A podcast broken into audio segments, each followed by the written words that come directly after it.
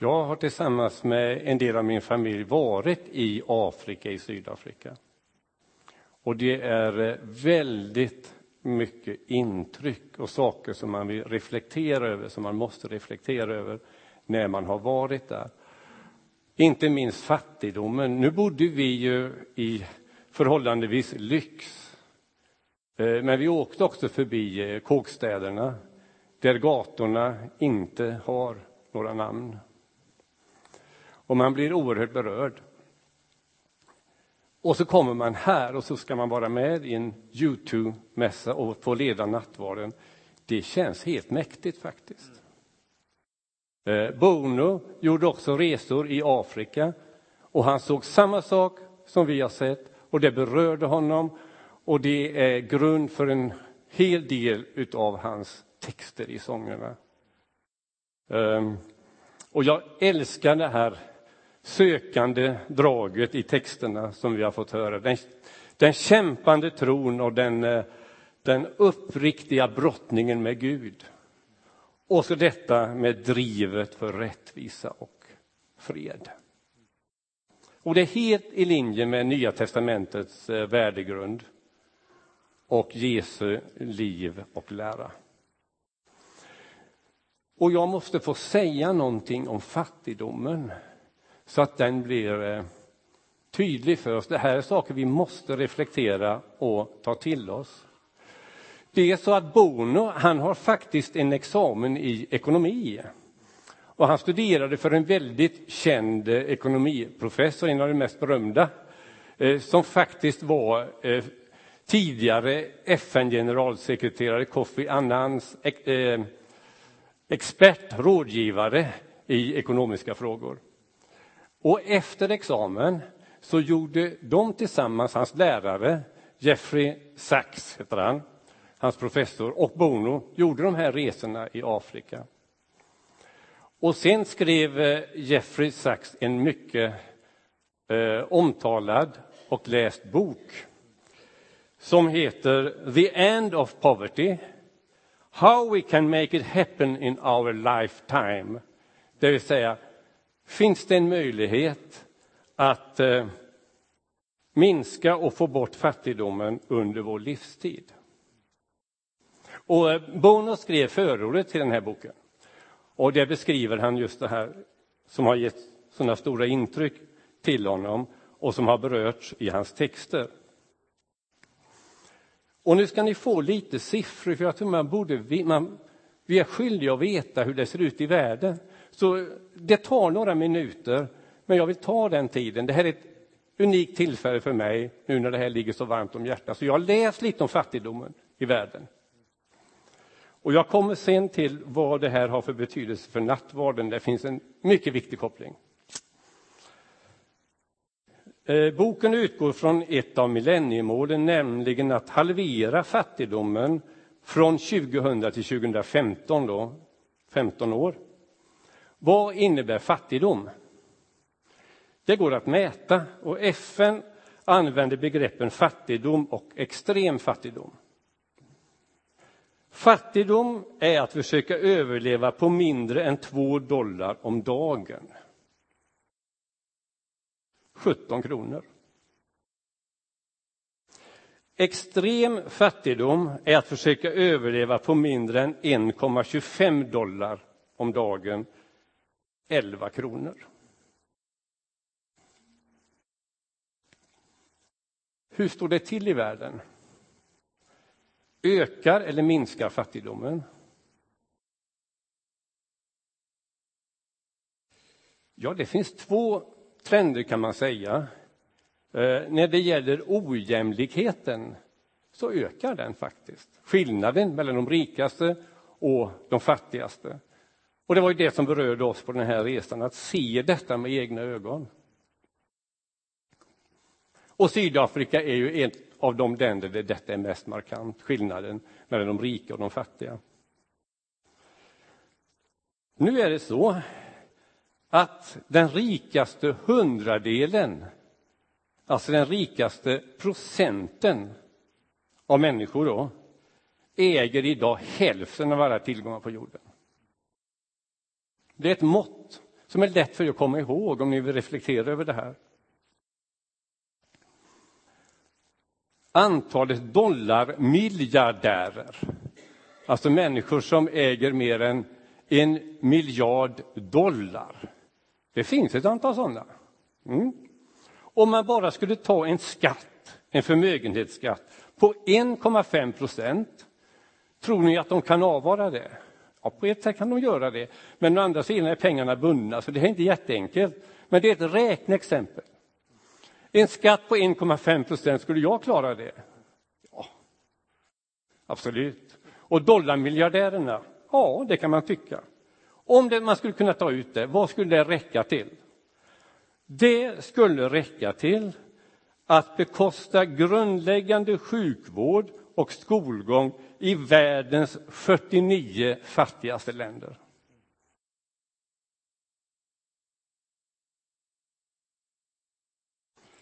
Så det är klart att det går.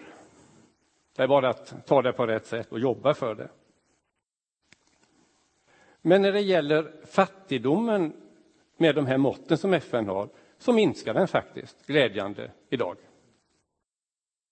Det har skett stora framsteg. Och en, några exempel på det också. Då. 1990 så var det 36 procent i världen eh, som levde under extrem fattigdom. Idag är det 18 procent, så det har alltså halverats på 20 år. Bra att veta också. Det är alltså 700 miljoner människor färre som lever i extrem fattigdom nu än för 20 år sedan. Och en god nyhet är att det idag för första gången eh, som både antalet och andelen extremt fattiga minskar i alla världsdelar, alltså även Afrika. Men det är fortfarande 1,2 miljarder människor som lever i extrem fattigdom i världen. Afrika som sagt berör oss särskilt då. Där är det, det är den världsdel med störst andel extremt fattiga. 56 procent 1990. Eh, men det har ändå minskat till 48 procent nu. Men ni kan föreställa er att nästan hälften av alla i Afrika lever i extrem fattigdom. Och vad var det? 11 kronor om dagen.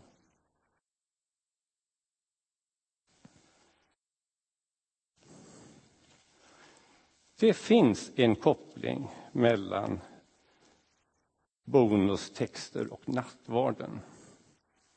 Och det är synen på de fattiga.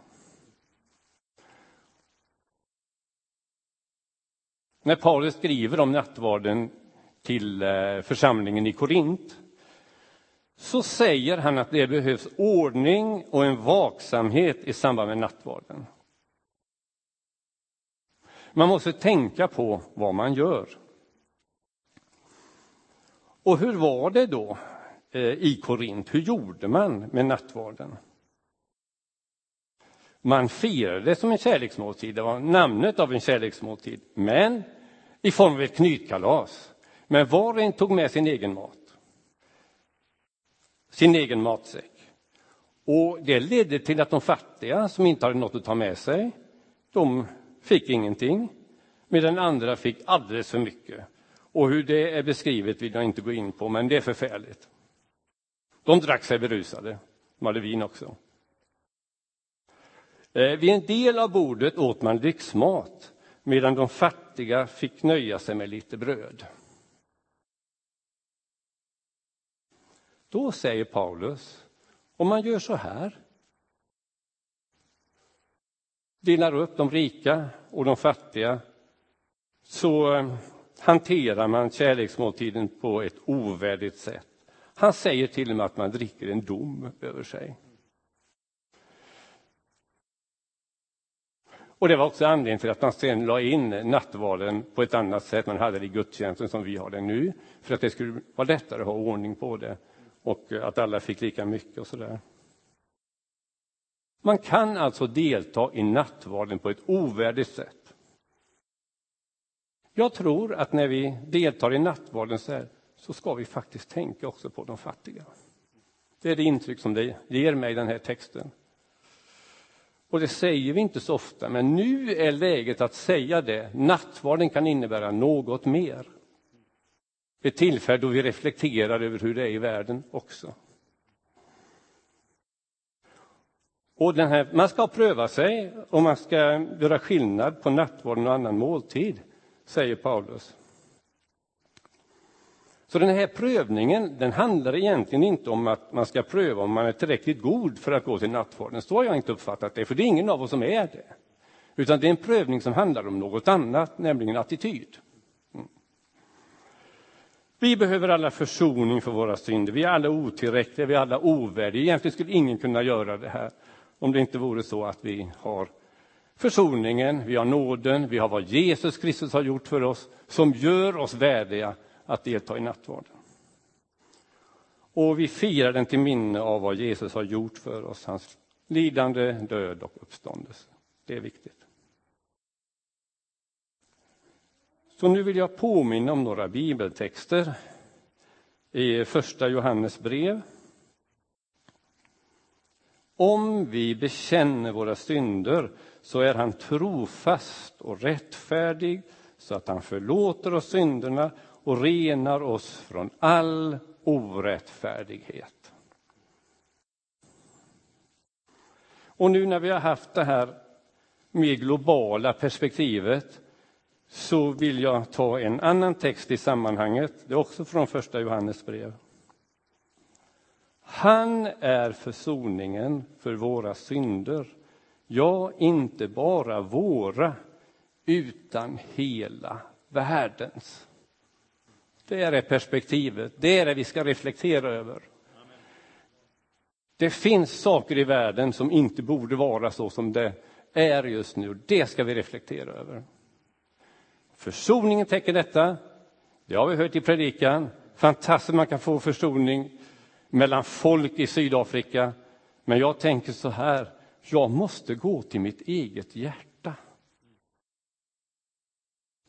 Jag måste ha fred frid och försoning i mitt eget hjärta.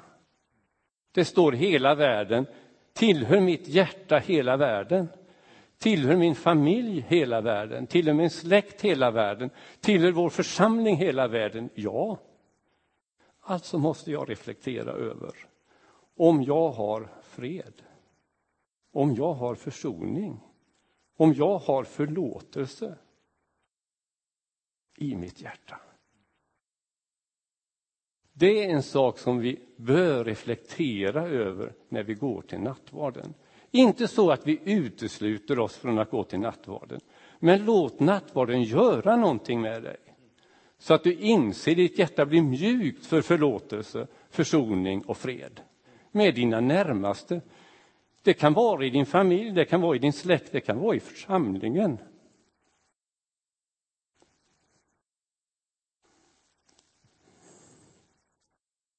I nattvarden kallar vi brödet för livets bröd och det symboliserar Jesus som kom ner från himlen för att ge oss liv, andligt liv. Bägaren kallar vi välsignelsens bägare och den symboliserar Jesu blod som gavs för oss. Välsignelse är en kraft som får det lilla att växa och bli något mycket större. Behöver vi välsignelsen? Ja, jag känner att jag behöver det i alla fall. Eh, I min svaghet. Jag vill gärna att både min tro och min tjänst ska växa. Och mot den här bakgrunden som jag nu har gett, som vi inte brukar ta i samband med nattvarden, så kan vi faktiskt läsa hela instiftelsetexten, där det handlar om att man kan eh, äta och dricka en dom. Nu vet vi vad det innebär. Och hur situationen var i Korint. Därför att anledningen till att Paulus fick skriva så här. Då läser jag från första Korintierbrevet 11 och vers 23. Jag har själv tagit emot från Herren det som jag har fört vidare till er. Den natten då Herren Jesus blev förrådd tog han ett bröd, tackade Gud, bröt det och sa Detta är min kropp som offras för er. Gör detta till minne av mig. Likaså tog han bägaren efter måltiden och sa, denna bägare är det nya förbundet genom mitt blod. Var gång ni dricker av den, gör det till minne av mig.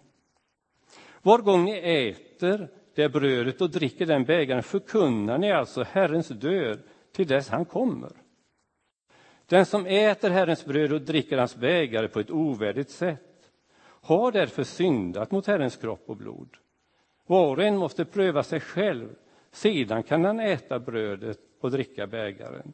Ty den som äter och dricker utan att tänka på vems kropp det gäller, han äter och dricker en dom över sig. Herre, nu tackar jag dig för att vi får samlas inför ditt bord. Herre, tack för att det här har du gjort för oss. Du har lidit, du har dött, du har uppstått för min skull, för vår skull. Och vi får minnas detta och vi får glädjas över det. Och vi vet att nattvarden är ett tillfälle som kan beröra oss på djupet. Och jag ber att det ska hända denna förmiddag. Herre, tack för att du är livets bröd som kommer ner från himlen för att ge oss andligt liv. Tack för välsignelsen i bägaren som kan få det lilla hos oss att växa och bli något mycket större. Låt också mitt hjärta vara mjukt när det gäller försoning, förlåtelse och fred. Så mycket som på mig ankommer. Amen.